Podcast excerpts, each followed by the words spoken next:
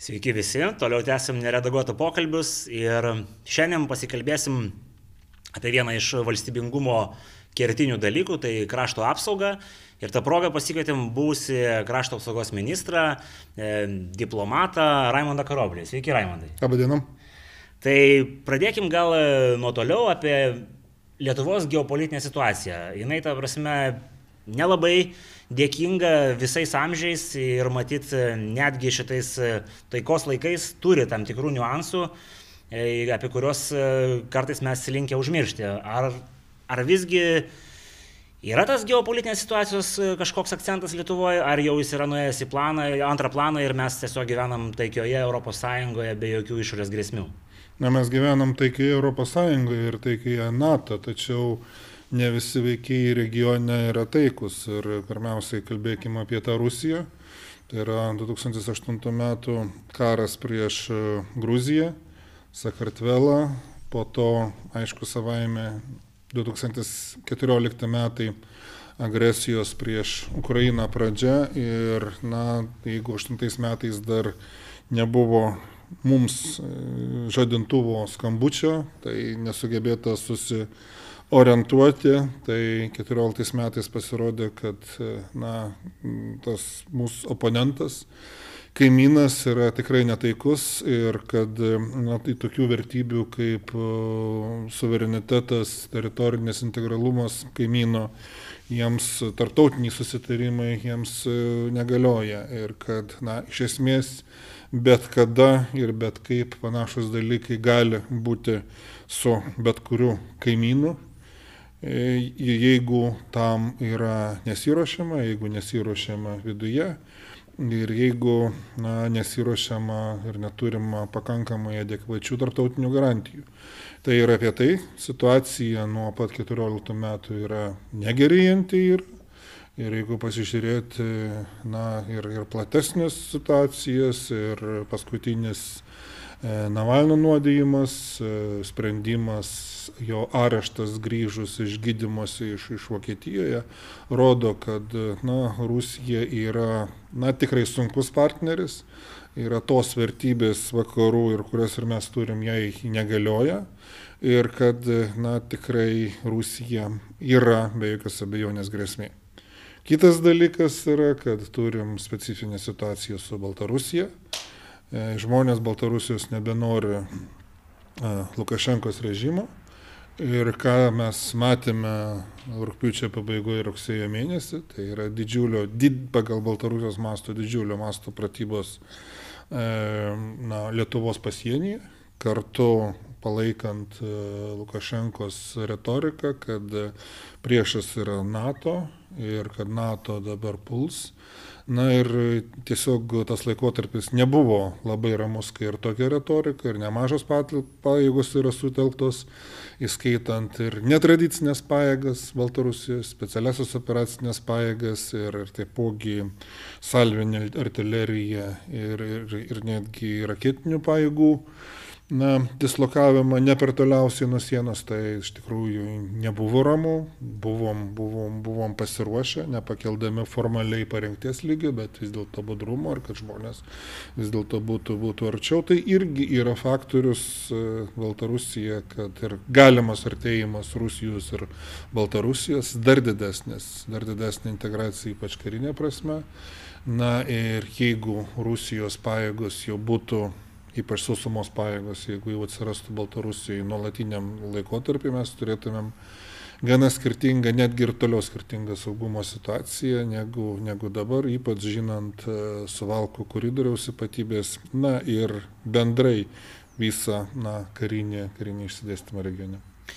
Dar matyt, čia vertėtų užklausti karaliaučiaus klausimas, e, kokie yra, kokie pokyčiai, tarkim, per pastarąjį dešimtmetį ar penkmetį karinės jėgos dislokavimo yra įvykę tenais, ar yra kažkokių pasikeitimų?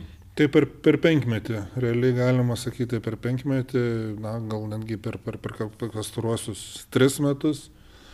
Tai jeigu anksčiau buvo, turėjo vaidmenį e, karaliaučiaus rytis gynybinė ir taipogi na, vieta, iš kurios esama ginkluotė galima e, blokuoti būtent pirmiausia Baltijos šalių regioną, tai yra sausuma, jūra ir, ir oro, taip vadinamas A2AD, tai yra galimybės blokuoti ir būtent dislokavimas Iskanderų per šį laikotarpį, kuris yra didesnis, yra nuotolis šūvio yra, e, kur gali pasiekti iš Kaliningrado praktiškai ir netgi rytų Vokietiją, visą Lietuvą uždengti, didžiąją dalį Lenkijos ir netgi Latvijos pusę.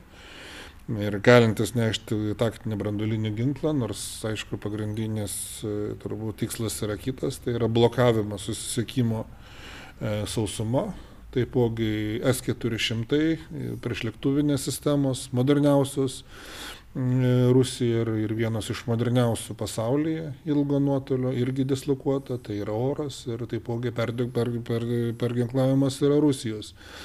Tai jau ginkluotė yra, bet yra naujas uždavinys yra keliamas, kad, na, jeigu anksčiau matėsi, kad turi iš esmės gynybinio pobūdžio, tai dabar tie pajėgumai, kurie yra kuriami, tai yra esamas struktūras paversti jau į diviziją, kur su, su visų e, reikiamais pajėgumais ir skaitant ir didinimą tris kartus tankai, aviacija iki penkių kartų, tas tie patys laivai. Taip kad e, čia modernizavimas tos esamos infrastruktūros, na tikrai karaliaučius turi, įgauna didelį ir žymiai, žymiai stipresnį vaidmenį, kas aišku savaime yra ir iššūkis. Tai šitoje vietoje, matyt, reikia užklausti apie NATO, nes čia vat, besirošiant teko skaityti ir jūsų kažkur tai pasisakymą, kad NATO mus gins, yra penktas straipsnis, bet pradžioje reikia sugebėti patiem, tarsi, gintis. Tai gal pradėkime nuo to klausimo. NATO. Tasme, yra tokių Europoje minčių, kad NATO nebereikalingas, NATO buvo sukurtas atremti sovietams, E, nors oponuojančios mintis primena, kad e, NATO funkcija jo gimimo pradžioj buvo tokia kaip ir dviguba, kad Ruso nebūtų Europoje ir kad e, vokiečiai Europoje ne, nebujotų, sakykime, tai būtiškai. Kokios yra dabar NATO pagrindiniai uždaviniai ir ar pasisakymai, tarkim, prancūzų prezidento apie tai, kad NATO smegenys mirė, ką tai reiškia NATO narių E, vienybei, tasme ir bendrai. NATO yra be jokios abejonės gynybos e, alijansas Europai ir jisai lieka, nesvarbu, kokios grėsmės e, būtų. Rusija, Rusija, bet aišku, savaime, jeigu atsirastų tam tikros kitos grėsmės, įskaitas terorizmas, yra, tai aišku, savaime NATO irgi turi, turi, turi įsijungti. Ir, na, vėl ta pati Rusijos agresija prieš Ukrainą parodė, kad ir NATO supranta, kad tas vaidmo turi, turi didėti.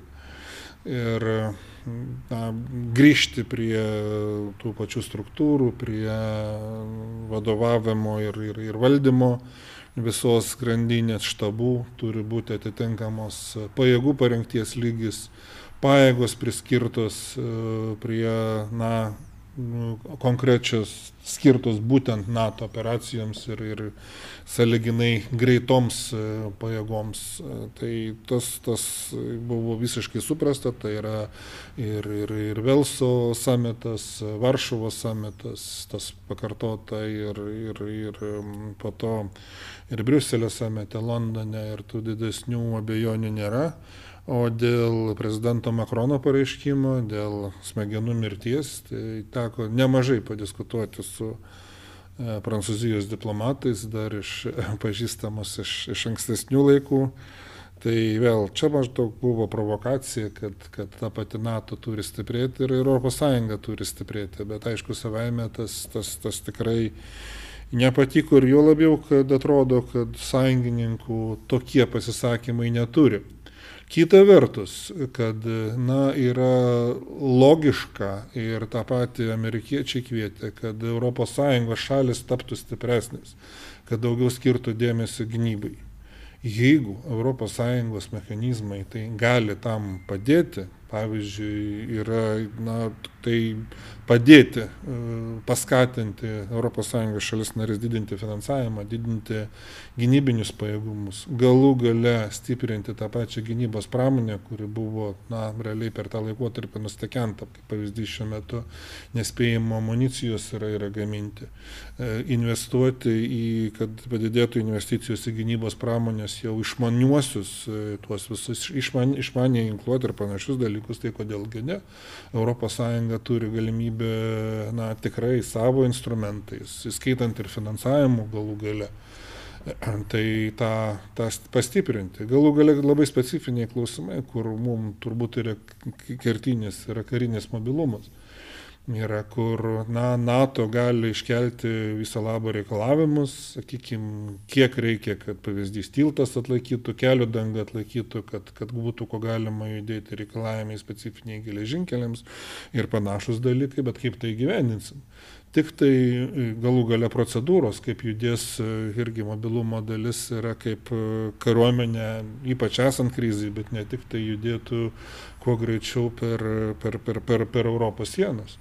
Tai vėl vienas Čia iš aspektų... jūrų iniciatyva, matyt, sprendžia šitas problemas, ne, tai infrastruktūra iš dalies taip. Ir čia Amerikos lyderystės vaidmo, nes, na, būkim atviri, kad vidurio Europos infrastruktūra mažiau išvystyta negu vakarų Europos. Ir tai, tai yra aspektas. Bet, na, ne tik tai, tai yra ir, ir kiti instrumentai procedūros kaip judėtų per sienas. Tai dabar mes turėjom turbūt tai iki penkių dienų leidimų buvo išdavimas. 17 metais Baltijos šalių buvo sutarimas, kad sausumo judėjimai, kad būtų per dviem dvi e, paros, bet esant skubiom, skubiais aplinkybėm tai yra valandų klausimas. Yra, pavyzdžiui, mūsų kariuomenės yra judėjimo centras turi galimybę tokiais atvejais prisijungti prie civilinių sistemų ir, ir, ir, ir išduoti, bet kitos šalis yra tikrai penkios paros yra normalu, o kai kur išanalizuota vos nekonstitucinis vos reikalavimas, kad vos ne parlamentas duotų leidimą tebėra. Tai va, tai kitų dalykų turi būti operatyviai. Na ir galų galia tie patys europiniai fondai, infrastruktūros elementai, pavyzdžiui, Rail Baltica ir finansavimas yra iš europinių fondų, bet e, vėl tai kol kas nebuvo, kad atitiktų kariniams reikalavimams. Tai yra pavyzdžiui tas termobdid, na, transporto visi, visi centrai, kad kranas keltų, sakykime, 100 tonų, tanga, kad iškeltų kaip pavyzdys, o ne 60 tonų. Nu, ir, kaip minėjau, tiltų pastiprinimai, vedukų pastiprinimai ir panašus dalykai. Tai vėl tas yra galimas daryti. Tai yra pavyzdžiai, kaip ES gali prisidėti prie visų e, rasti savo stiprią, ne tik tai nišą, bet ir, bet ir vietą užtikrinant saugumo Europoje, taip, kad Europa būtų e, stipresnė, nepažeidžiant esminių NATO dalykų. Ir aš manau, kad ir tolesnėse diskusijose, ir aš pats tą klausimą kėliau, kad mes tą turim subalansuoti, nešnekėti apie kažkokias specifinės strateginės autonomijas, jeigu jos veda nuo izolaciją nuo JAV ir, ir atskirtumą nuo NATO, o žiūrėti labai į konkretybės. Tai va šitoje vietoje norisi paklausti tada apie tą konkretybę. Yra ta mintis, kuri cirkuliuoja Europoje apie Europos pajėgas. Ir tai matyti nėra NATO sudėti kažkokios pajėgos, bet tai yra atskirų pajėgų kūrimas ir tai netgi nėra e, atskirų Europos valstybių pajėgų stiprinimas. Tai vat, viena vertus mes turim tokią mintį apie Europos pajėgas, kita vertus mes turim Vokietiją, kuri savo kariniai pramoniai skiria gerokai per mažai lėšų, žiūrint na, pagal tos NATO susitarimus. Nu, gynybai, ne kariniai pramonė. Taip, gynybai. Mhm. E, kaip Jūs vertinat vat, e, tokius paradoksus? E, jo, tai dėl pačių pajėgų atskirų. Tai pirmiausiai reikia susitvarkyti su užpildymu ir kad būtų pakankamai modernė ginkluotė esamos na, pajėgos ES šalių. O šiaip, jeigu šnekant apie atskiras pajėgas, tai vėl yra Prancūzijos iniciatyvos kars nuo karto pasigirstančios, bet man teko šnekėtis ir su, su, su Vokietija su Vokietijos atstovais, dar su savo laiku su Ursula von der Leyen, kur dabar yra Europos komisijos pirmininkė, anksčiau buvo Vokietijos gynybos ministrė. Ir jos kaip tik ir, ir labai atvirai sakoma, šnekėkim ne apie Europos kariuomenę, bet kariuomenę arba armiją europiečių. Pavyzdys yra NATO priešakinės pajėgos, kurios yra Lietuvoje, yra jos suformuotas tik iš ES šalių narių. Tai vėl yra pavyzdys, kad aiškus, kad ES šalės narės gali būti kartu, vykdyti savo konkrečias funkcijas. NATO atskiruose e, na, yra mechanizmais, kur na, be pagrindinio, tai mainstreamo NATO, be, yra ir E, po NATO vėliavo yra vėl specifiniai formatai, kada mažesnės šalis, šalis kurios turi mažesnius pajėgumus, gali tarpusavyje na, vienytis, sakykime, ir karo medicina, ir artilerija, ir dar kažkas vystyti bendrai savo pajėgus, tas know-how ir taip toliau. Tas jau yra kažkur apie dešimtmečių, Vokietija yra lyderiauja, lyderiauja, iš esmės irgi suformuota tik iš europinių šalių. Taip, kad tas neprieštarauja. Na ir tas trečias elementas kuris yra. E, tai mm, vėl buvo Europos e, dalyvavimas tarptautinėse operacijose. Ir amerikiečiai tuo metu ir pradžioj turbūt ir, ir Jim Matis, ir, ir, ir, ir kiti labai aiškiai duoda suprasti, kad yra regionų, jautrių regionų, kur amerikiečiai lyderystės negalės parodyti. Jų pajėgumai irgi yra riboti ir atvirai, pirmiausia, yra Afrika ir dėl istorinių priežasčių tai yra Europos e, domenas. Prasme, ten jie turi, Europą turi, turi padėti užtikrinti. Ir aišku, reikalingos tam atitinkamos struktūros, vadovavimo vėl grandinė europinė, jeigu tai yra europinė, jeigu yra ne, ne, ne operacija, nors vėl čia galima rasti būdų. Ir tai yra nenaujas dalykas, buvo sukurtos prieš gerą dešimtmetį ir dar daugiau taip vadinamos europinės kovinės grupės, kur galėjo būtent per europinę prizmę dalyvauti e, tarptautinėse operacijose, tačiau neužteko politinės valios jų aktyvuoti. Ir Lietuva irgi prisėmus įsipareigojimus periodiškai budėti buvo ir europinėse grupėse. Ir gaunasi taip, kad vietoj tų mechanizmų, kurios buvo sukurti, kur buvo konkretūs būdėjimai, kur buvo skirti žmonės, jos na, nebuvo, na, dalyvavo, nedalyvavo tokios struktūros koviniuose veiksmuose, bet ne, neišbandžius galvojama apie kažkokias kitokius ambicinius dalykus. Čia yra problema. Bet kad tam tikros ES šalių struktūros gali būti atskiros ir gali dalyvauti na, atskirai nuo NATO, tai, tai, tai yra tikrai taip. Ir kaip pavyzdys tos, tos operacijos yra, ir kur, kur Lietuva dalyvauja. Tai kaip pavyzdys yra Viduržėmė jūroje, dalyvauta Sofijoje, operacijoje Sofija, dabar yra pervadinta į Irinį operaciją, tai yra kai mūsų na, laivų apsaugos grupė dalyvauja Vokietijos laivuose Atalantos operacija, tai yra prie Somalio krantų, yra kaip pavyzdys irgi, ir, irgi panašaus pobūdžio. Mokymo misijos irgi mūsiškiai dalyvauja e, tiek Malyje, tiek Centrinėje Afrikos Respublikoje. Tai būtent yra Europo, europinės struktūros. Bet tai vėl lyginant su NATO ir kad NATO turi būtent tą klasikinę gynybinę struktūrą, tas tos europinės struktūros gali tik tai padėti, bet, bet jokių būdų neužgošti ir tikrai reikia investuoti pirmiausia į savo e, kariuomenę, savo gynybinius pajėgumus, kurie būtų po NATO struktūromis ir NATO vėliau. Tai apie šitą dar pašnekėsim. E, tai va čia norisi dar paklausti Mes žinom, kad e, Vokietijos ta kultūrinė istorinė praeitis ir Afrika ir jų vektorius į tą pusę. Bet daugiau Prancūzijos Taip. ir, ir Britanijos vektorius tai į tą pusę, bet jo. Nu, matyt, Prancūzija yra lyderiaujanti šitoje, šitoje plotmėje.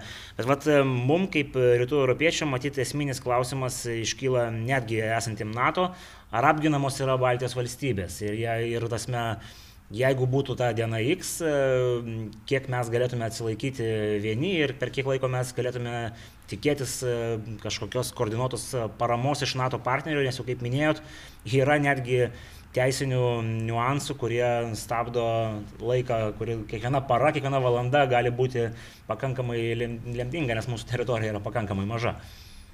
Na, vėl klausimai yra, kad NATO pajėgų visur, visur neužteks. Kitas dalykas yra tas masinis dislokavimas šalia NATO rytinių sienų tai irgi, irgi yra neduodama, tai yra vėl ypač, ypač na, netikėtų, netikėtos agresijos atveju, tai vėl yra grinai karybos dalykai, strategijos ar taktikos klausimas galų gale. Iš tikrųjų, jau dabar netgi Lietuvoje pradėjo virti diskusijos ir Kestučio Girniaus, ar mums reikalingas JAV batalionas yra, yra Lietuvoje. Tai vėl, kadangi dėl amerikiečių buvimo prasidedama ginklavimuose varžybos regione, tai pagalvokim, kas yra Vokietijoje ir panašiuose dalykuose, kad irgi, na, NATO irgi negali turėti sauliaisti iš, iš, iš, išprovokuoti. Tai kitas dalykas yra, kad labai aišku, ir Rusijos pusė tą puikiai supranta tiek po NATO mm, priešakinių pajėgų kovinė būklė kiekvienoje Baltijos šalyje, kur yra nuo maždaug tūkstantis, e, nuo tūkstančio iki tūkstančio penkišimtų karių priklausomai nuo, nuo ciklo e, irgi nieko negali provokuoti, tai yra absoliučiai atgrasimo pajėgumas, kaip ir JAV bataliono buvimas, kur sudaro apie 550, kai tuo tarpu, na, vėl vakarų karinėje apygardoje yra įvairūs skaičiai, bet, na, tikrai realūs skaičiai yra ne mažiau negu 120 tūkstančių karių. Čia kalbate apie Yra Rusiją. apie Rusiją, kalbu mm. apie Rusiją ir, ir šnekėkim apie uh, atkūrimą pirmosios tankų armijos, kuri yra, kurios kryptis yra mes.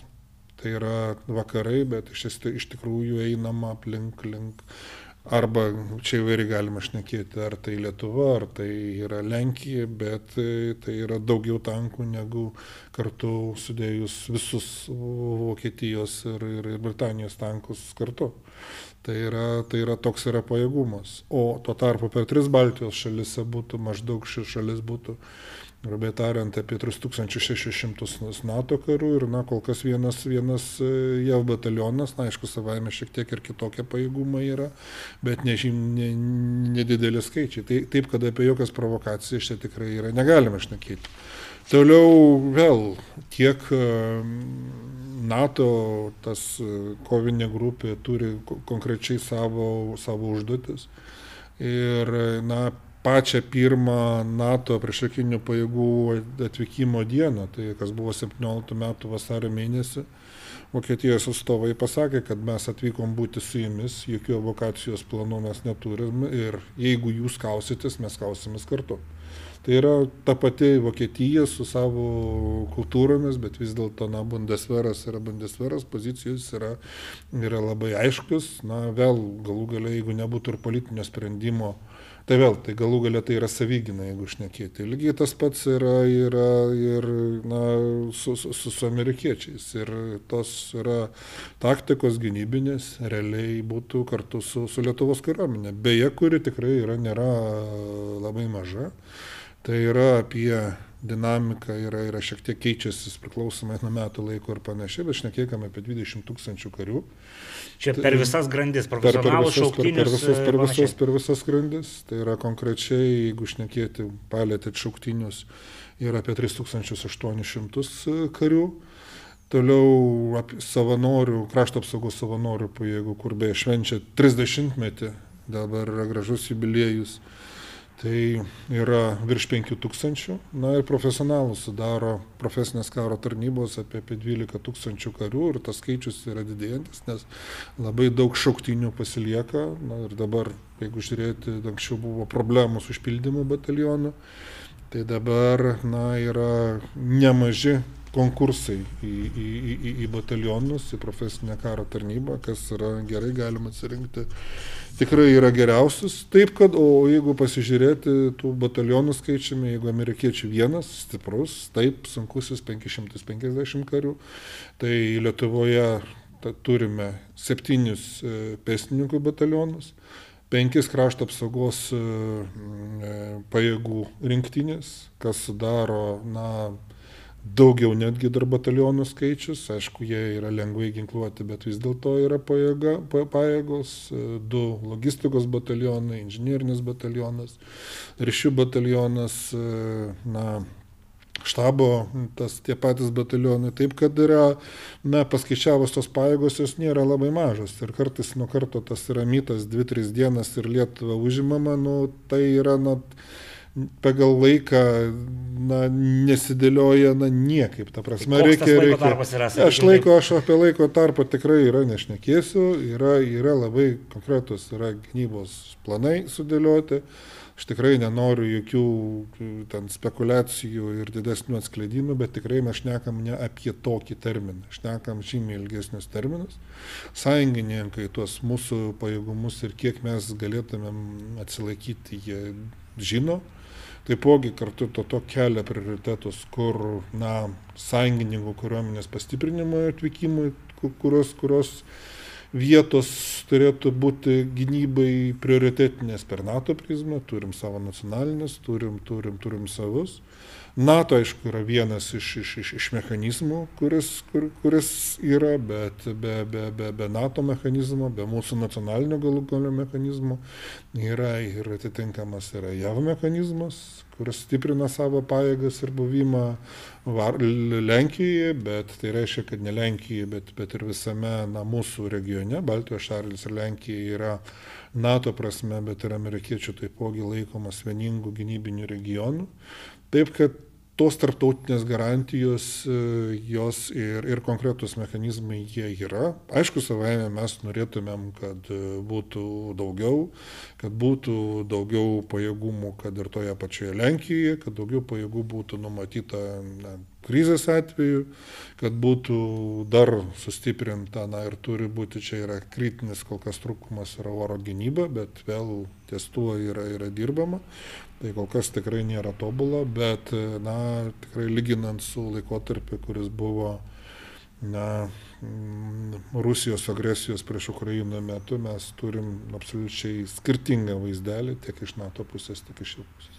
Tai va šitoje vietoje labai į temą yra viena mūsų patrono klausimas, ta raketinė artilerija ir galimybė, kodėl mes, žinodami va, tuos paminėtus skaičius, kiek yra tų tankų vakariniai Rusijos apygardai ir žinodami, kad yra radaras e, karaliaučiaus rytyje, kodėl mes neakcentuojam į, raketinę gynybą, kuri galėtų gerokai palengvinti gynybos ir, ta prasme, persiorientavimo situaciją, jeigu mes į tai investuotume. Kur čia yra čia politiniai sprendimai, ar čia finansiniai e, sprendimai, kas, kas čia yra esminis. Turite omeny oro gynybą. Taip, taip. Nu, prasme, yra, Sufleruoja, kad kodėl mes, jo. pavyzdžiui, neturim Mars sistemos, žodžiu, kuri galėtų...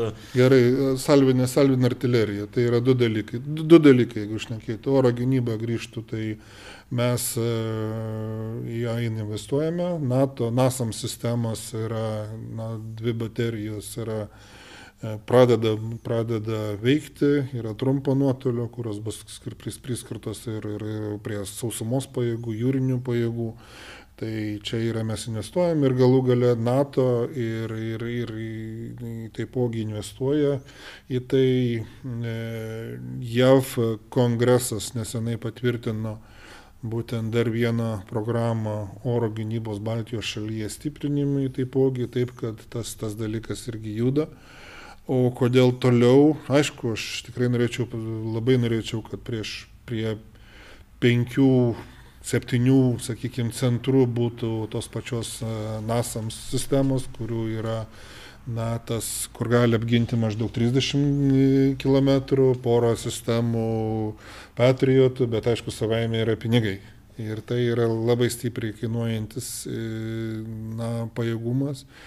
Ir na, mes nežiūrint to finansavimo stipriai padidėjimo, ir dabar mes turime milijardą, bet mes atsiliekam stipriai ir ateinantį dešimtmetį, netgi prie didėjimo tolesnio, na, politinių partijų sustarimas galioja dėl 2,5 procento iki 30 metų, bet nežiūrint to, vis tiek tas stygius yra e, būtent ginklų, išlaidų lėšų ginkluoti, jis, jis ir išliks.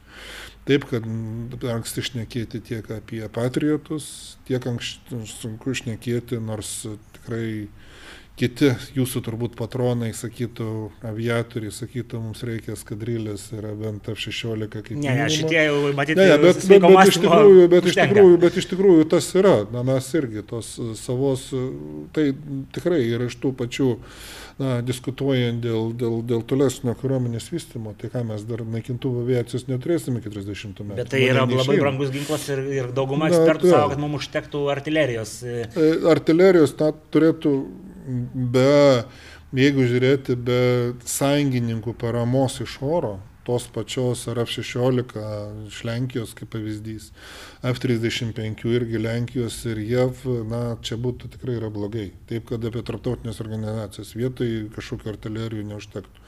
O apie artilerijas taip, tai Hell salvinės artilerijos yra, tai yra ateitis, galbūt prieš 30 metus, vėl dėl pinigų to pačios stygiaus, bet e, tas pradžia tai artilerijai su panzerhaubicomis yra padaryta, tai yra e, na, su na, normaliais klasikiniais šaudmenimis 60 km, su išmaniaisiais 80 km.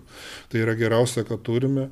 Taip, tai yra salvinė artilerija, Marso tipo, aišku, išnekėkim, arba kažkuri panaši, tai vėl turėtų būti ateitis, kada būtų na, išsprendžiami na, esminiai dabartiniai yra klausimai, kur, kurių mes neturim. Aš neku ir apie batalionų mechanizaciją vienokius ar kitoks sprendimas, ar, ar kitokią motorizaciją, sakykim taip apie dabartinių artilerinių pajėgumų vystymą, galų gale, kad ta pati dabartinė mūsų artilerija Panzerhaubicų pagrindų matytų kuo toliau. Toliau ir antrojo bataliono, Žemaitijos brigados bataliono artilerijos pakeitimas 150, 105 mm ir 155 mm, kur yra senstelėje, veikiantis, viskas yra tvarkoje, bet vėl tą padidintų tą patį atstumą. Taip, sekantis žingsnis yra, yra salvinė artilerija. Kitas dalykas irgi yra ir, ir, ir kitos raketinės artilerijos e, sistemos, tų pačių spaikų pagrindų yra tos technologijos, kur gali šauti, šauti ilgiau, bet e, tiesiog e, na, turim skaičiuoti tuos pačius finansus ir dėlioti prioritetus. Ir šiaip tas finansavimas yra apie 30, netoli, dabar jau procentais gaunasi šiek tiek mažiau, bet buvo keli metai išėlės 30 procentų ir daugiau nuo viso biudžeto yra, yra visa ginkluotėjai. Na, mes toliau tikrai negalim pavežti, vis tiek link 50 procentų turi būti personalo. E, tie patys infrastruktūra ir šauktiniai netelpa, galų gale vėl amunicijos sandėliai ir panašiai atsargos, jeigu žiūrėti, tai turime balansuoti. Galų gale, kai mes perkam modernę ginkluotę, turi bus skirti didėja išlaidas ir jos išlaikym. Jeigu nebus skiriama, kai buvo kažkada perkama ginkluotė, bet nebuvo sistemingo požiūrį iš jos išlaikymą ir greitai degraduodavo, tai mes to leisti savo negalima, kam tada gaunasi investicijos. Tai vadinasi, vat, per visą šitą balansavimą į tą, vat, vat, į šitos vat, išvardintus e, krepšelius vat, ir sudaro, kiek mes galim investuoti. Ir na, viskas statoma eilė pagal prioritetus. Dabar dėliojama tai, ką galima, kas yra būtina ir kuo, kuo, kuo, kuo yra greičiau. Na, ateis e, tie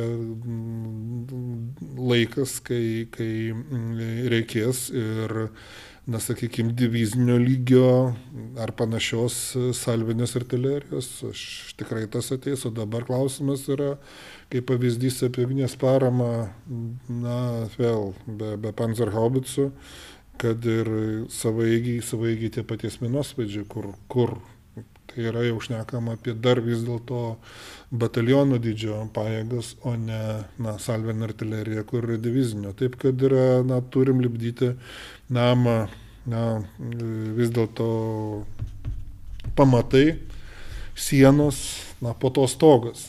Ir kitaip, kitaip tai yra neišeina. Ir aš priminsiu apie tuos pačius skaičius kad e, vėl mes e, dabar yra milijardas investuojama, bet e, jeigu skaičiuojant vien tik tai nuo 2004 metų, kada įstojom į NATO, kada turėjom pasiekti 2 procentus nuo BVP, tai neinvestuota ta vat suma, kur mes na, nevykdėm tų savo įsipareigojimų ir netgi kurį laiką mažinom juos, tą, tą, tą dalį, tai sudaro nominaliai išraiška 4 milijardai eurų.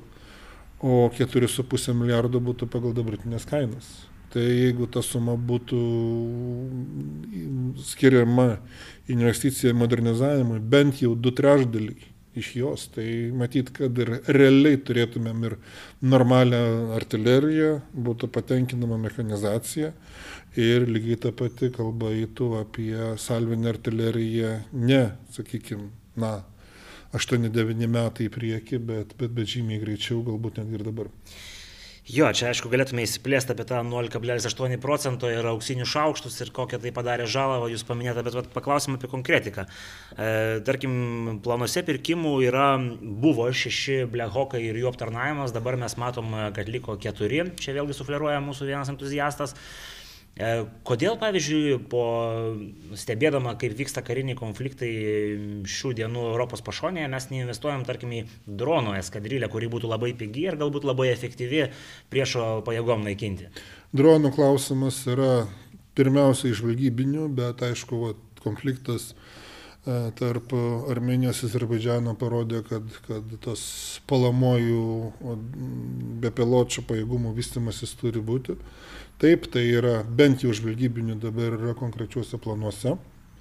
Jis yra ir aišku savaime aš manau, kad gal na, kariuomenės, kariuomenės gynybos štabas suformuos e, konkrečius e, reikalavimus ir tiems na, jau koviniams pajėgumams ir aš tikiu, kad tas ateis į irgi na, atsidurs žymiai arčiau prioritetuose. Dar kitas dalykas, kaip ir aišku, apsauga nuo dronų mm, atakų, kur na, vėl besikeičiančios technologijos yra, kur irgi prioritetuose jau dabar stumteltai prieki ir yra konkretus uh, planai dėl, na, kaip konkretus reikalavimai sudėlioti, na, aš dar nėra viešųjų pirkimų šito klausimo, bet jau idėjos ir zondavimas yra gamintojų yra ir aiškus, tai irgi, kad tai yra elementas. Taip, tai yra, turkiški ar Izraelio dronai čia klausimas? E, tai čia kitas dalykas, čia pasiži, pasiži, pasižiūrėsim, bet aš neku turbūt dar ne apie puolamosius tos pajėgumus, vis dėlto aš neku apie žvalgybinius kol kas pajėgumus,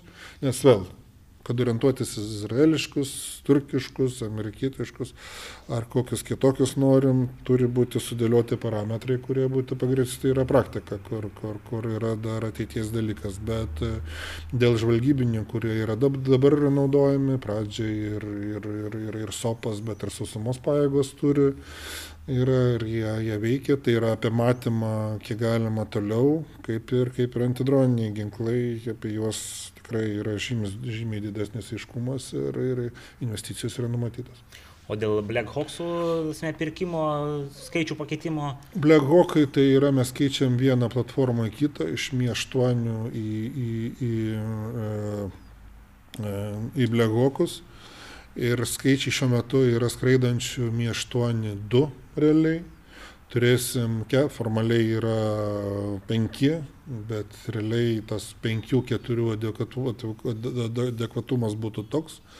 Taipogi mes turim ir dar trys e, taikos, taikos metų funkcijom pirmiausia vykdyti ir mm, užtikrinti ir delfinų tipo, kurie yra ir ekonomiškai ir visiškai veikia, na, bent jau 11 mėnesių per, per, per, per, per, per, per metus.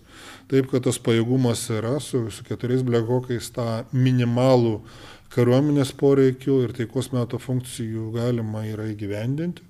Du būtų šiek tiek didesnės ambicijos, įskaitant jų dalyvavimą ir tarptautinėse misijose kas yra prisisustiprintų mūsų pajėgumus, tačiau na, gavosi taip, kad mm, dėrybų metu su, su, su JAV tiesiog dėl objektyvių priežasčių, kaip mes suprantam iš jų pusės, keitėsi mokėjimo grafikai ir mes būtent turėjome sumokėti netoli 90 procentų sumos na, iš karto per sekančius metus, vietų išdėstymą iki 24 metų, metų, kas buvo dėliota anksčiau. Tai yra dėl jų pačių mechanizmų, tai yra, kad mes tiesiog perkam iš e, to pūlo dalies, kuris yra JAV kariuomenės ir tiesiog mes realiai būtumėm to nepavežę. Ir realiai būtumėm turėję nukentėti kiti pajėgumai, tiek susiję su jūsų minėta artilerija, tiek su, su, su, su, su, su, su mechanizacija, tai, na, tai, tai būtų per daug didelis, didelis smūgis mums. Tai realiai pagrindas platforma bus pakeista, visos logistikos e, mokymo infrastruktūros yra ir beje amerikiečiai taipogi ir patys dar papildomai investuoja į, į mokymo su pilotų inžinierių infrastruktūrą čia Lietuvoje. O kitas dalykas, tuos, e, na, jeigu taip galima pasakyti, papildomai nupirkti du ateityje, kai leis tos finansinės sąlygos, tai bus tik tai techninis klausimas, kai jau bus, jau turėsim pirmus keturis ir visa infrastruktūra, pilotai bus, bus, bus sukurti. Na ir kitas dalykas vėl, prie to ar 6-4, kad e, reikia, kad iš karto būtų, kad būtų efektyvus įgyvenimas. Visi tiek inžinierių kiekis turi paruoštas būti šešiem, ne keturiem, pilotų skaičius turi būti šešiem ar keturiem. Na tai vėl, tai yra tam tikros na, ir, ir, ir, ir pastangos, galų gale ir finansai, galų gale ir tikrai tų žmonių tų pačių suruošimas, apmokymas. Na, tas, tas palaipsnis variantas, to pajėgumo didinimas, manau, kad nėra, nėra blogas variantas. Tai šitoje vietoje prieinam prie vieno tokio iš įdomesnio ir kontroversiško klausimo, tai poligonas. E, ir pirmiausia, gal norėčiau paklausti, kam konkrečiai reikia Lietuvai dar poligono? Ar čia yra mūsų gynybai stiprinti, ar čia kažkokie įsipareigojimai NATO, ar čia bendras dalykas, nes žiniasklaidoje yra pastatu, tas klausimas statomas taip ganėtinai dviprasmiškai ir gal iki to dar prieisim, bet pradžioj kokia yra motivacija, argumentacija viso šito poligono projekto? Na, mes turim vieną e, bataliono dydžio e, poligoną, tai yra Pabradės poligonė yra tiek e, batali, poligonas e, Rukloje, tiek Kazlūrodoje yra žymiai, žymiai mažesni. Yra ir tikrai maksimaliai yra na, prie e, gaižiūnų, tai yra Ruklos poligonas, yra kuopa plus. Kazlų rudos šiek tiek kiti pajėgumai, bet irgi maksimaliai kuopa, o iš tikrųjų tam, kad pilnai ruoštis, reikalingas yra būtent e, bataliono dydžio pajėgumas.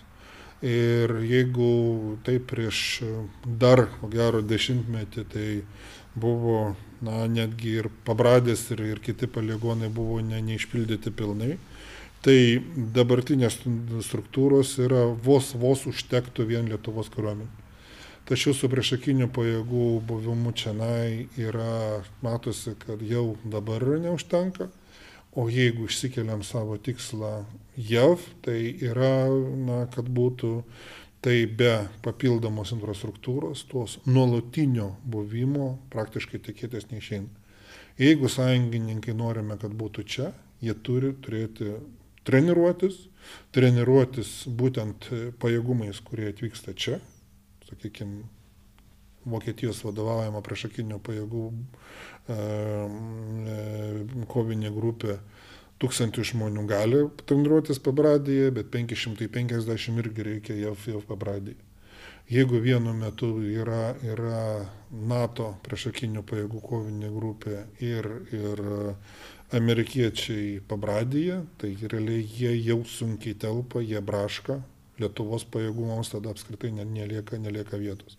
Aprasme, komforto jie neturi na, ir stipriai turi pasispausti ir dabar mes jau, kaip sakant, turim problemėlių su, su, susirasti na, pagal, pagal tą ciklą, pagal stadijas jų kovinių rengimo, kad, kad, kad, būtų, kad jie būtų įsitektų kartu. Tačiau tuo metu Lietuvos kariuomenė jau nieko nebėra. Jeigu mes norim rimtai užsitikrinti, užtikrinti Lietuvos kariuomenės karinį pajėgumą ir stabilų e, NATO buvimą čia, todėl mums tas e, pajėgumas, poligonas yra tiesiog, tiesiog yra būtini. Nes na priešingų atveju tai nu, mums nėra prasmės važiuoti čia, na, jeigu mes neturim kur treniruotis. Mes pusę metų galim pabūti ir, ir Teksase, ir ar, ar, ar, ar, ar, ar treniruotis su, su mažesnėmis pajėgomis kai kur kitur, bet nu, kokia priežastis tada būti pas mus. Vien politinių įsipareigojimų čia neužtenka. Todėl klausimas ir kilo. Tai yra pabradės dydžio maždaug to poligono ir buvo atlikta studija, iš pradžių buvo orientuojamosi būtent į vakarų Lietuvą, kad, na, kad tai, na, ne tik tai koncepcija pati, kuri idėjos, kurios galbūt labiau išsivystė jau 17 metais, kad čia turim Žemaitijos brigadą, tai bus va, vakarų Lietuvoje, čia yra Geležinė Vilko brigada, kuri, kuri daugiau jau, jau rytų Lietuva, toks yra pasiskirstimas atitinkamai poligonais, na, mes sąjungininkus išdėstym ten, išdėstysim ten, kur reikia. Na ir dabar gaunasi ta situacija, atlikus tą studiją vakarų Lietuvos, kad, na, mums reikia iš tikrųjų rasti optimalią optimalią zoną ir iš tikrųjų tas, tas klausimas jau, kur geografiškai rytai vakarai mažai turi reikšmės, yra, na, iš esmės svarbu, kad būtų bet kur, ten tie logistiniai kaštai turbūt yra ir, ir pasidengtų. Tai vad, ir klausimas yra, kodėl, o, o, o, kaip, na, mano galva, be naujų sprendimų naujų. Aš nesakau, kad turim per kelis metus padaryti, kad poligonas būtų jau pilnai funkcionuojantis. Tai tai turbūt neįmanoma, bet sprendimai turi būti priimti gana greitai. Jeigu mes norim, kad pasiekti susitarimus, sakykime, su JAV, analogiškus, kurie pasiekė Lenkiją dėl jų didesnio jų ir, ir nuolatinio buvimo. Prieš, priešingų atveju bus tas buvimas yra, sakykime, fragmentinis, pagal vidinius JAV planus be jokių tolesnių garantijų. Tai va čia klausant jūsų, kaip ir aišku paprastai, kodėl to reikia, kodėl viešieji armijos ryšiai e, neveikia taip, kad mes neturėtume maištaujančių visuomenės grupių toj pačioj Žemaitijoje, kurios prieš pastato armiją ekologijai. Kodėl mes turim nacionaliniam transliuotoje, ta prasme, konflikto gilinimą, aiškinimą, kad e, bus e, suniokota žemė, kai akivaizdžiai Dėl geopolitinės situacijos, norint daugiau saugumo, tai yra būtinas dalykas e, ir čia kaip e, arba arba pinigų dalybose, švietimas ar, ar kariuomenė, toj klausimo matyti negalima statyti ir poligono, prasme, turi užtekti lėšų ir, ir, ir noro, ir, ir vietų Lietuvoje. Kodėl mes turim šitą situaciją, kad nesugebam viduje iškomunikuoti teisingai žinutės? Na, vėl čia turbūt yra pamokos ir šiek tiek toliau, nes buvo studija yra studija, paimta, na, kai buvo atliekta, tai buvo paimti kriterijai, kur mažiausiai yra gyventojų. O Rietavas kur yra kažkur tai.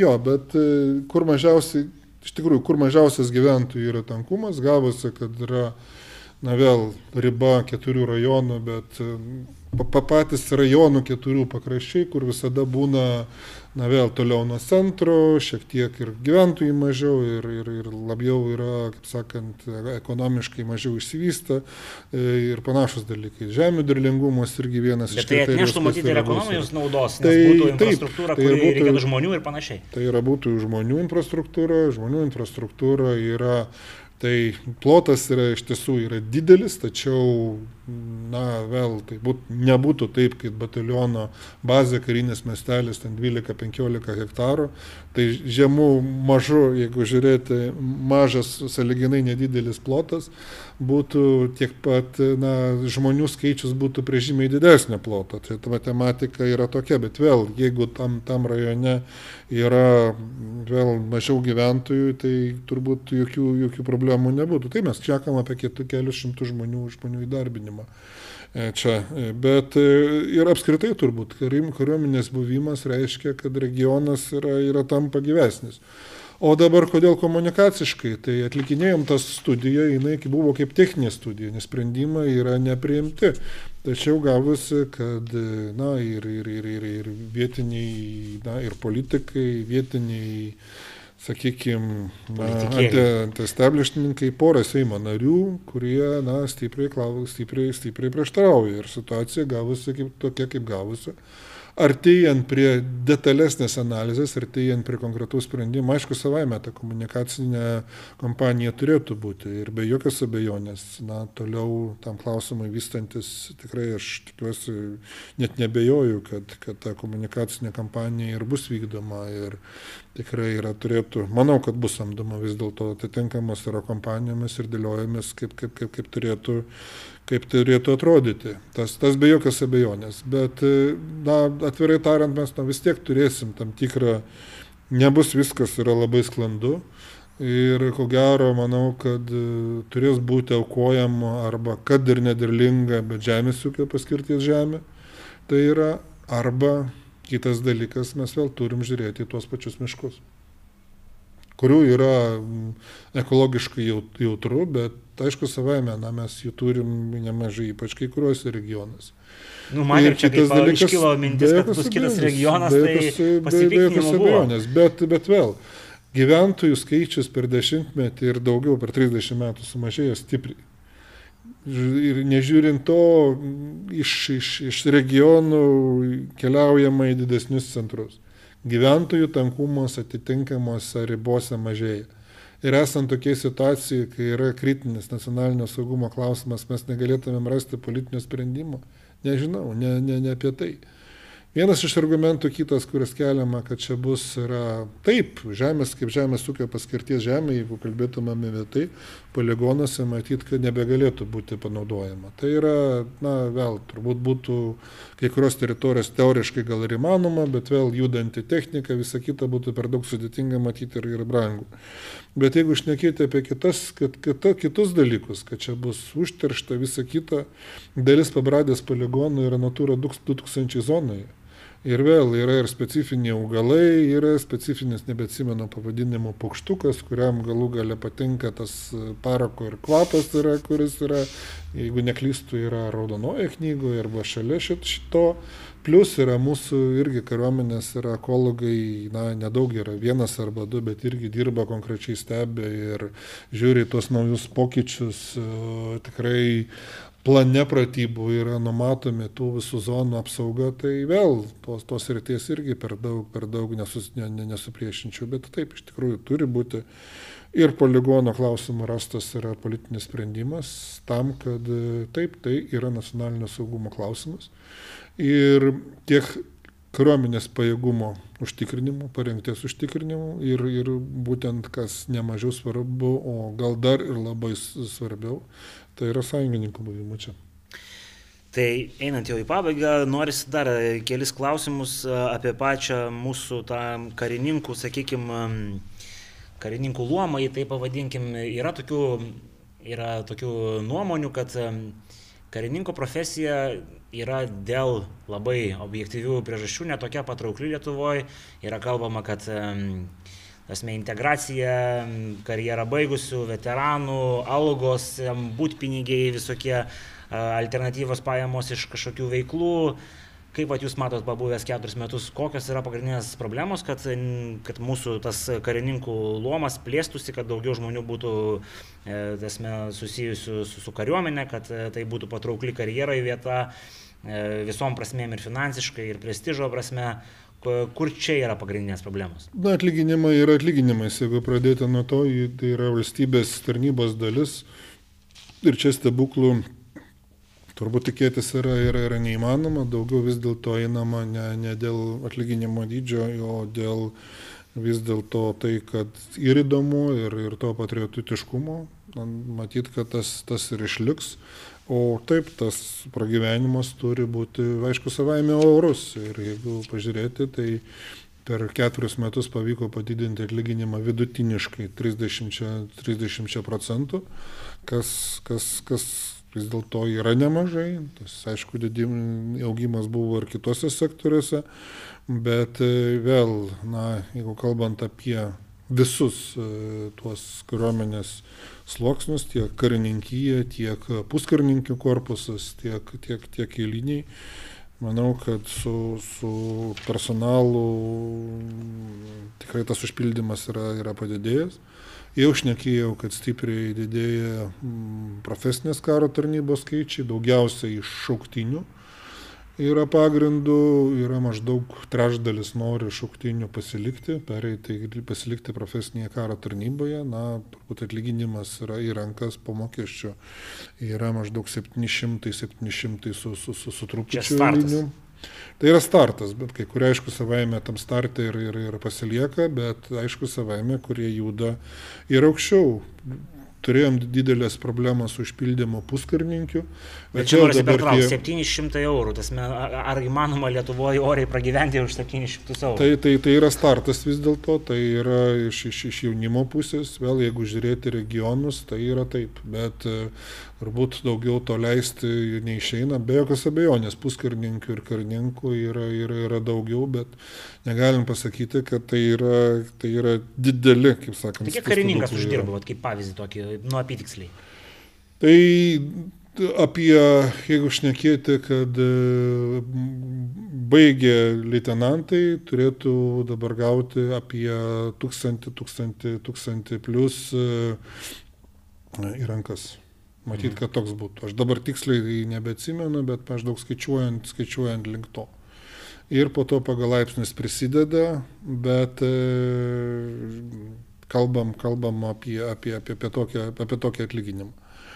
Taip, kad e, atlyginimas kaip ir atlyginimas tiem, kurie, kuriems reikalinga užtikrinti mobilumą, tai yra rotacijos per visus, e, nuo, na, per visą Lietuvą, grubiai tariant, tai vėl jiems turi būti užtikrinamas arba non-pinigiai arba, na, jeigu rotacijos yra, sakykime, 3 metai normalu, arba tai yra kelionpinigiai padengiamus išlaidos atvykimo iš išgyvenamosios vietos į tą pačią, į pačią struktūrą. Na, ko gero, tai vėl, tai yra tam, kad galima būtų kiek, kiek galima, kaip sakant, yra pragyventi. Bet realiai didesnis dalykas yra kiti motivaciniai dalykai yra. Ir vėl tas noras, noras tarnauti, tas patriotiškumas, kur mes tikrai yra matome įvairiuose sluoksniuose, tiek karininkyje, tiek, tiek puskarininkiai, tiek, tiek, tiek eiliniai Na vėl tai, kad e, galų galę tie patys šauktiniai, virš 80 procentų yra grinai savanoriškais pagrindais ateinama, tai kad manau, kad yra, yra čia didelis, didelis potencialas. O jeigu šnekant apie tą patį karininką ir juos, juos pritraukiant, yra, tai tikrai pagrindas yra viso ko, tai be tų visų socialinių aspektų, kurie yra tokie, kokie yra, kurie turėtų tas paketas vis, vis stiprėti, bet e, karo akademija. Manau, kad per tuos metus irgi keturis metus buvo pavyko padaryti nemažai, tai yra sustiprinta ir, ir, ir mokymų kokybė, ir sustiprintas yra e, moksliškumas e, tas pats, na, karinis parengimas gal buvo gana, gana stipriai ir visą laiką, tai kad karo akademija tampa pagal, pagal, pagal reitingus na, tikrai įsilieja pilnai kitų mūsų aukštųjų mokyklų ir per, per paskutinius metus tai būtų, buvo turbūt ir jau oficialus vertinimas, kad vienas iš didžiausių šuolių padarytų mokslo kokybė, mokymo kokybės ir moksliškumo klausimuose. Na ir kitas dalykas, taip, yra tas pats kariūno, karininko profesijos tas populiarinimas. Tai vėl, jeigu žiūrėti, mes dar, o ne dabartinė, bet praeita laida buvo, na, įstojo apie 60, atrodo dabar liktai 55 kažkur yra antrakursiai, tai pirmakursiais įstojo virš šimto jau, jeigu žiūrėti po apystiprės, manau, kad stiprios ir komunikacijos kampanijos, ir tar, to, per, tuos, per tuos motivavimus.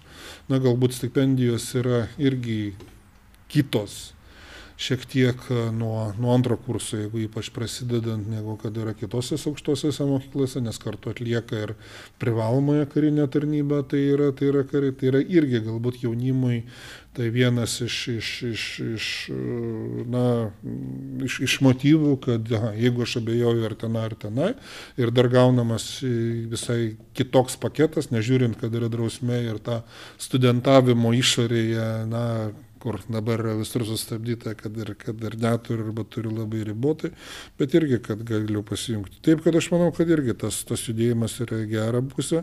Na ir taipogi jaunesniųjų karininkų vado kursai kurie vyksta Vilniuje, Kaune ir, ir Klaipėdoje iš aukštųjų, aukštųjų mokyklų studentų. Kurie tai vėl pas mus, gali rinktis, taip? jo, gali jie irgi, gali jie gauna per, per, per tos studijų metus irgi gauna atsargos leitenanto laipsnį, jų apie šimtą baigia kiekvienais metais, tai irgi yra nemaža pastirpirtis. Ir iš esmės be, praktiškai visi, kurie nori jungtis prie, prie, į, į kariuomenę, kol kas tikrai randa tą galimybę. Tai va čia dar noriu paklausti, nes buvo akcentuotas tokia problema, kiek teko čia šiek tiek klausyti ir išskaityti, kad karininkai negali turėti kitų pajamų. Ir tas nesų veikla susijusios pajamos, o e, kariūnai įgyja tam tikros patirties, galėtų organizuoti mokymus, galėtų galbūt e, kitus savo talentus realizuoti ir iš to kažkaip prisidurti laisvų laikų. Kur čia yra problemos kažkokios teisinės ar ideologinės, kad negalima šito išspręsti ir taip e, atlaisvinti dar vieną kanalą pajamų žmonėm, kurie nu, atiduoda savo patriotišką laiką valstybei. Tai Na, pirmiausia, tai krašto apsaugos savanorių pajėgos turi tokios yra galimybės, yra tai yra savaitgalio kariai, bet jo, tai klausėte apie profesinę karo tarnybą. Jie yra statutiniai, jie visą laiką turi būti ta tarnyba na, nuol, atliekama yra nuolat. Ir klausimas tada, koks yra būtų drausmės klausimas, kitas dalykas yra, koks būtų uh, poveikis, jeigu, sakykime, nesilaikoma papildomo polsio režimo ir panašus, panašus dalykai. Tai yra buvo ta motivacija, dėl ko buvo priimti tie sprendimai. O šiaip tas klausimas yra, na, nuolat pakybės, yra dvi stovyklos, vieni už, kiti, kiti prieš, bet realiai netgi jeigu mes suteiktumėm ribota galimybė, vis tiek būtų tam tikrai apribojimai, tai yra registracija, kur dirbama, kiek laiko dirbama, nu, turbūt negali būti po 8, po 2-8 valandas, turbūt kiekvieną Matyt, dieną. Matyt, apie tai yra, tai ne, ne, ne, vėl, čia kaip čia, kaip čia, kaip čia pažiūrėti, kaip matyt, nekalbama, bet, bet, bet, bet noras yra daryti, ypač tie, kurie būna uh, tuos, tuose pariniuose būdėjimuose, kurie trūksta, pavyzdžiui, para būdima dvi, dvi ne. Taip, kad dvi stovyklos yra, diskusijos dar, dar, dar turi būti, diskusijos diskutavom ir per tuos kelis, kelis metus e, pastaruosius, bet na, panašu, kad mes dar šiuo metu iki, iki galo nesam, nesam, nebuvom pribrendę. Manau, kad tas klausimas ir toliau na, na, bus diskutuojamas ir, ir, ir, ir bus nuspręsta, ar reikia išlaikyti dabartinę situaciją, kokia yra, arba ar, ar judėti prie kažkurios kitos, kaip teisingai ir sakot, kad, kad jeigu yra taip, tai pradedama nuo tokių sričių kaip, kaip mokymai ir, ir panašus dalykai. Tai čia dar noriu paklausti to svarbaus klausimo apie skaičius, nes vat, pats minėjot, kad profesionalų skaičius visoje sistemoje yra didžiausias, bet e, tiek, kiek teko domėtis, e, tai profesionalai yra tas maigalys ir šiaip jo, jų, jų, už jų turėtų būti ta didžiulė, didžiulė bazė, kuri yra ir savanoriai, ir, ir, ir, tie, ir krašto apsaugos e, kaip jį ten vadinasi, kur dabar švenčia 30-metį. Krašto apsaugos savanorių pajėgos. Jo, jų pajėgos ir galų galia tokie skaičiai kaip šaulių tarpu karių buvo 60 tūkstančių, dabar yra 12 tūkstančių.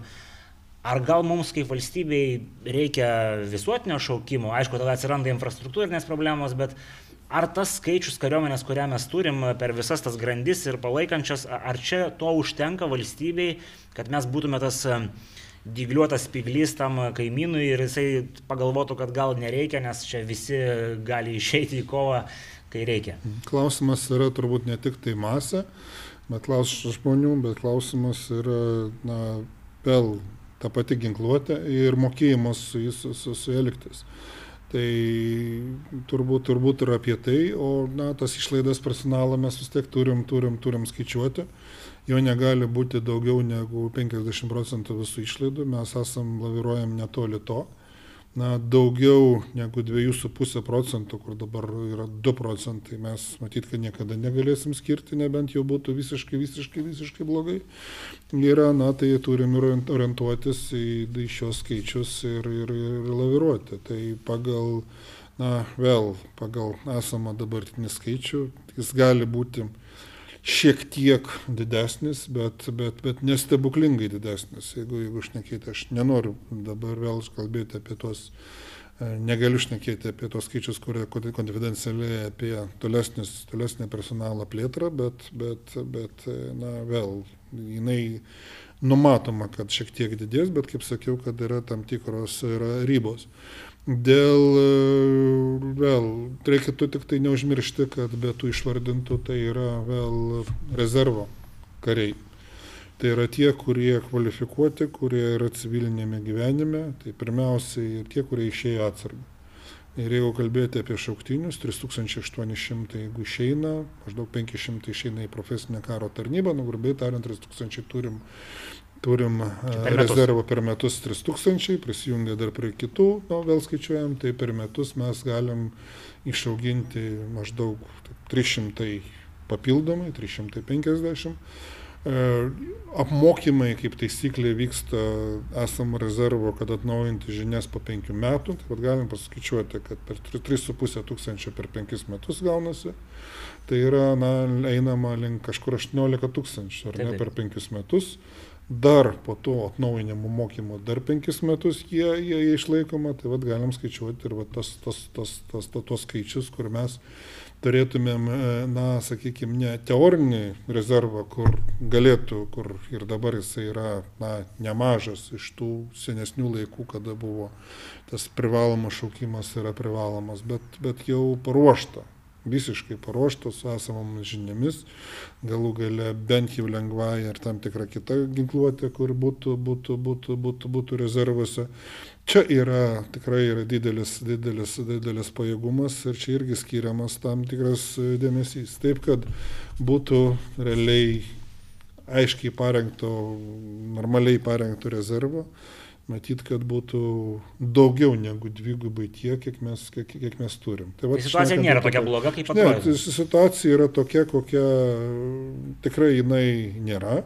Bet aišku, savaime tas reikia, reikalingos skirti lėšas, reikalingos pastangos, kad tas kovinis, kovinė parengtis, kovinis pajėgumas būtų visose šitose grandyse adekvačiai vystomas, vystomas ir ateityje, kad nebūtų, nebūtų paleidžiamas. Ir manau, kad mes esame ant, ant, ant teisingų bėjų.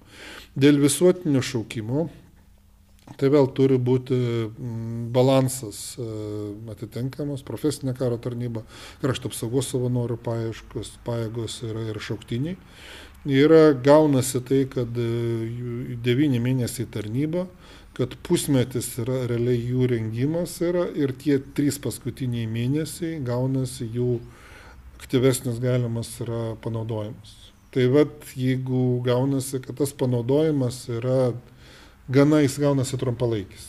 Aišku, savaime yra šiuo metu kariuomenės e, štabas dirba tam, kad jie būtų efektyviau panaudojami, kad būtų ir efektyvesnis užduotis yra skiriamas, kad, kad būtent tie vat, paskutiniai trijų mėnesių būtų na, išdėstamas tokiu būdu, kad jie na, pasidengtų na, tam tikras skaičius reikiamas minimalus būtų per ištisus, ištisus metus.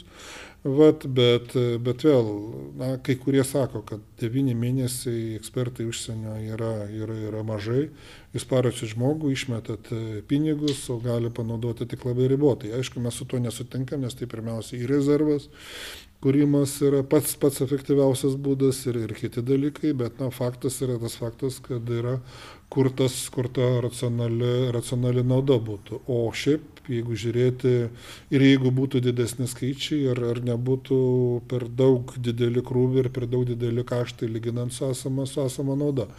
Tai va čia tas klausimas bus, manau, kad ir, ir, ir, ir toliau. Dabartinis metodas e, yra link 4000, kai virš 80 procentų neturi 90 procentų savanorystės pagrindais yra, yra įmama, jisai, jisai veikia, užduotis yra, yra pasiekiamas, o jo, jūs minėjote infrastruktūrą, kad na, 15 metais, kai buvo na, vėl atkurtas šaukimas, infrastruktūra iš esmės nebuvo paruošta, nors buvo profesinės karo tarnybos yra sąskaita tos, tos kareivinės panaudojimas, dabar jinai yra, yra, yra plečiasi, Na vėl, jeigu šnekėti apie vaikinus po, po vidurinės mokyklos pabaigimo, vietoj dabar netoli 4000 būtų apie 6200, 6500 ko gero. E, atsižvelgiant į sveikatos reikalavimus ir panašius dalykus, kur, tur, kur turim, jeigu šnekėti apie merginas, žymiai, žymiai didesni skaičiai yra, bet vėl mes turėtum galvoti apie absoliučias naujas ir mokymo struktūras, negu yra dabar. Kai tuo tarpu, na, vėl, viskas susidėjo. 15 metai, 16 metai, 17 ir iki dabar, kad vienu metu atkūrėm ir šauktinių institutą, kur atrodo turi būti tos visos mokymo struktūros, mokymo pulkas naujai įsijungti ir infrastruktūros atrodo, kad reikia jas padidinti, bet vėl kartu tuo pačiu metu reikia priimti ir virš tūkstančio sąjungininkų NATO į tą pačią rūklą, kur yra ir mokymo pulkas, ir du batalionai, realiai trys batalionai yra dislokuoti, yra. Dar po tūkstantį žmonių, nu tai žinote, iš to anegdoto, kaip sako Joni, Joni, kur mes juos laidosim, kai kviečia į karą, kitą šalį žemaičiai, tai dabar yra, nu tai kur mes, kur mes padėsim. Buvo tokia iš tikrųjų situacija, dabar yra gerėjas ir su mūsų investicijom, ir su sąjungininkų be investicijų, vokiečiai irgi investuoja į infrastruktūrą, na, Rukloje irgi į miestelį, būtent priešakiniams NATO pajėgoms. Na, situacija pagerės, bet tada turėtumėm prie didesnių skaičių galvoti ir apie ir apie infrastruktūrą, tą patį išlaidų santyki, yra tos pačius, yra, yra, yra, yra, yra, yra kaštų naudos vis dėlto iš naujo analizę. Ir taip, ir apie kitas mokymo struktūras. Čia dar norisi paklausti tokio trumpo klausimo Estija ir galimybė žmonėm, kurie moka elgtis su ginklu, laikyti namuose rimtus ginklus ir e, dienos sieksim ateimo laiku, gebėjimu juos pasimti iš savo namų seifų ir iš karto įsijungti į kažkokias organizuotas e, pasipriešinimo pajėgas. Kodėl pas mus yra tokia sugriežtinta palyginus su kaimynais Estijoje tvarka ir mes negali profesionalai, tasme, tarkim, šauliai ar netgi nešauliai laikyti automatinių ginklų su apmokymais, su visko namuose ir ar tai nebūtų kažkoks patriotiškumo skatinimo kaip ir instrumentas. Tai klausimas, vat, ir jūs paminėjote, tarp nepatriotiškumo skatinimo instrumentas. Ir ar tikrai yra didelis skirtumas, kad tu turi savo šaunamą ginklą, sakykime, automatinį ginklą, žinai, kuris jai padėtas, konkrečiai bendrai saugykloje. Bet jie nuvažiuoti ir... E, karo atveju būtų, būtų tasme laikas. Jo, bet jam ar taip ar taip reiktų nuvažiuoti.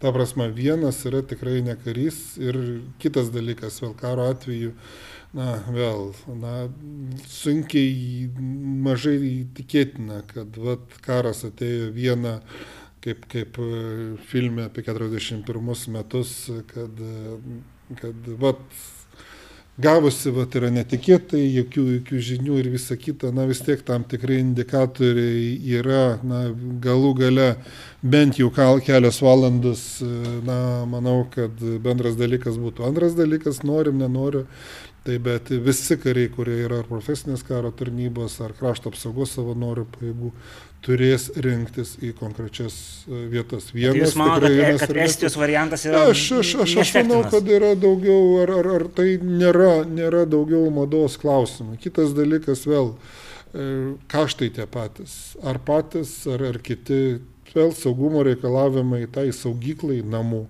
Bet jie gali būti iškelti ir juos būti, galima turi patikrinti. Būti, turi būti vėl žymiai didesni, na galų gal ir seifais tikresnis, signalizacijos, visa kita galų galia, kas, kas, kas, kas už tai mokėtų. Na ir antras Patys, dalykas. Nori yra.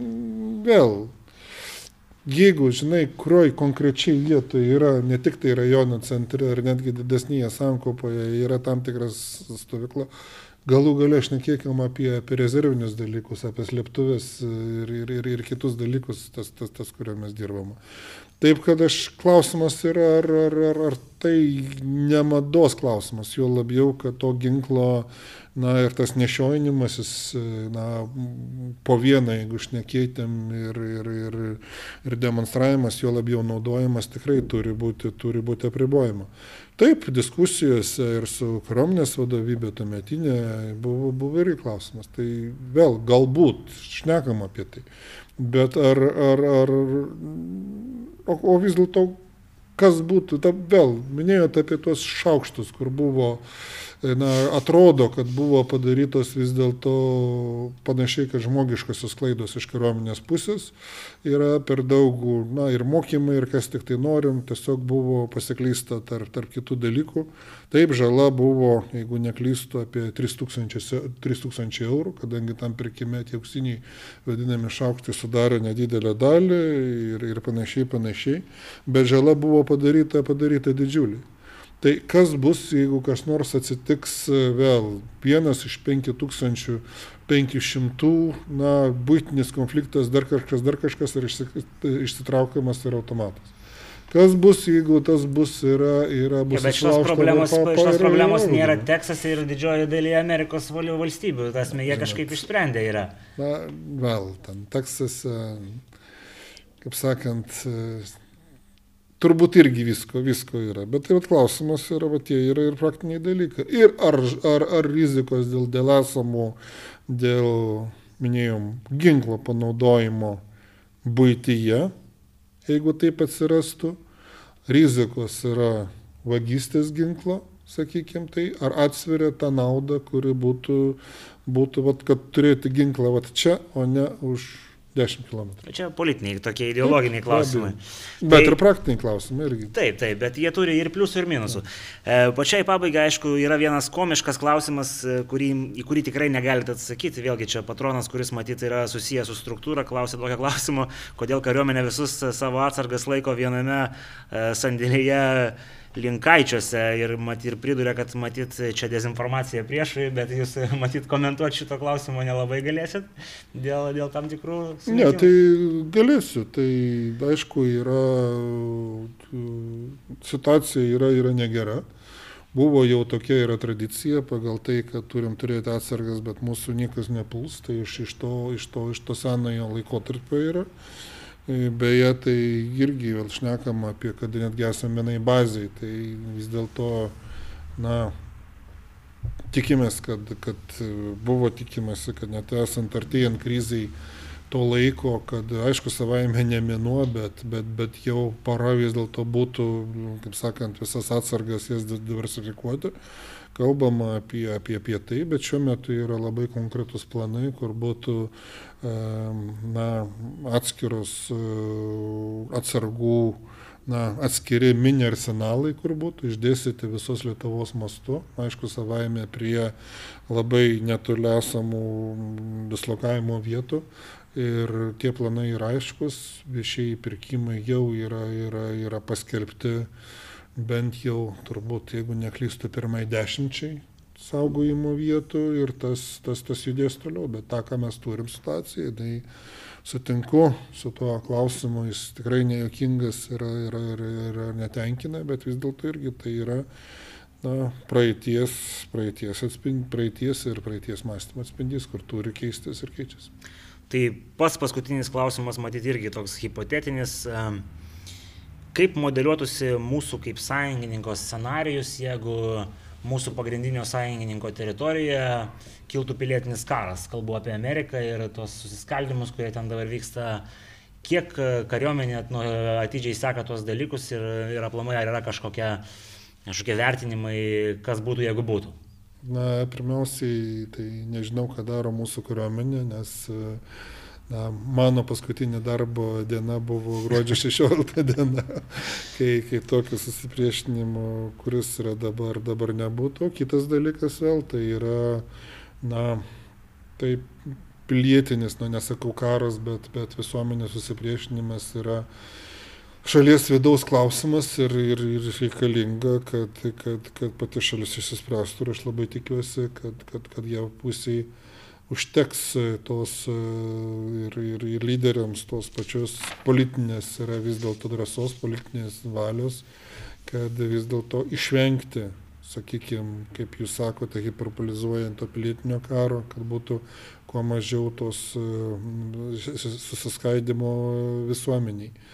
Tačiau kita, kita vertus, kad, na, vėl be jokios abejonės, kad, kad jie turi iš, iš, iš, iš, išlaikyti tą, tą lyderystę. Ir vėl matyti, praktiškai jeigu žiūrėti tvarkos palaikymui, tai na, kviečiama yra nacionalinė gvardija, tai yra mūsų mm, savaitgalio kariai, mūsų krašto apsaugos savanorių pajėgų, na, kaip pasakyti, na, panaši struktūra, aišku, savaime, kur mes paėmėm pagrindą iš, iš, iš, iš jos. Tuo tarpu ta reguliari kariuomenė, matyt, kad e, bet kuriuo atveju testų, testų savo, savo užduotis, nebent na, įvyktų kažkas tai tikrai yra labai blogai. JAV e, lyderystės tiek e, Europoje, tiek visam pasaulyje tikrai reikia, tikrai yra būtina. Ir tikimės, kad ir toliau tas išliks.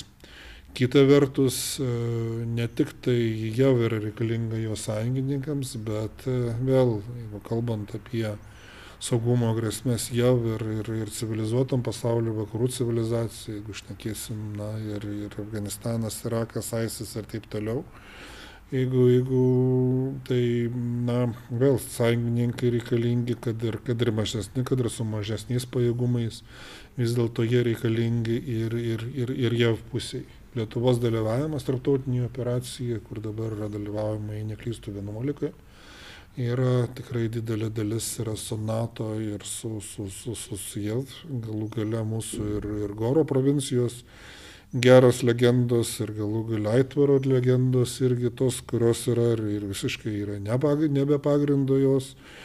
Tai vėl yra taip, kaip yra dirbama yra su sąjungininkais, kai sąjungininkai yra išlaikomi, kada na, sąjungininkais na, galima suprasti tikrai be jokių problemų ir dalykai, kur yra prisimamama. Taip, kad yra, na, nežiūrint, kad dabartinė iš tikrųjų visuomenės susiskaldimo jav, dabartinė gynybinė struktūra bendradarbiavimo su sąjungininku, jinai tikrai turi ir privalo išlikti. Tai ką, tai matyt šitoje vietoje ir baigsim mūsų pokalbis ir taip gavosi šiek tiek ilgas, bet e, neabejoju, kad įdomus. Tai dėkui buvusiam ministrui ir tikėkime bus dar progų panalizuoti tai, kas vyksta dabar ir galbūt pasižiūrėti e, iš palyginimo perspektyvinio. Tai ačiū visiems, kurie žiūrėjot, dėkui visiems, kurie remiat, nepamirškite, kad mes turim ir iš ankstinės narystės atsinaujinančiam puslapiu, ir Patreoną, ir Facebooką, ir YouTube'ą, ir iki kitų kartų.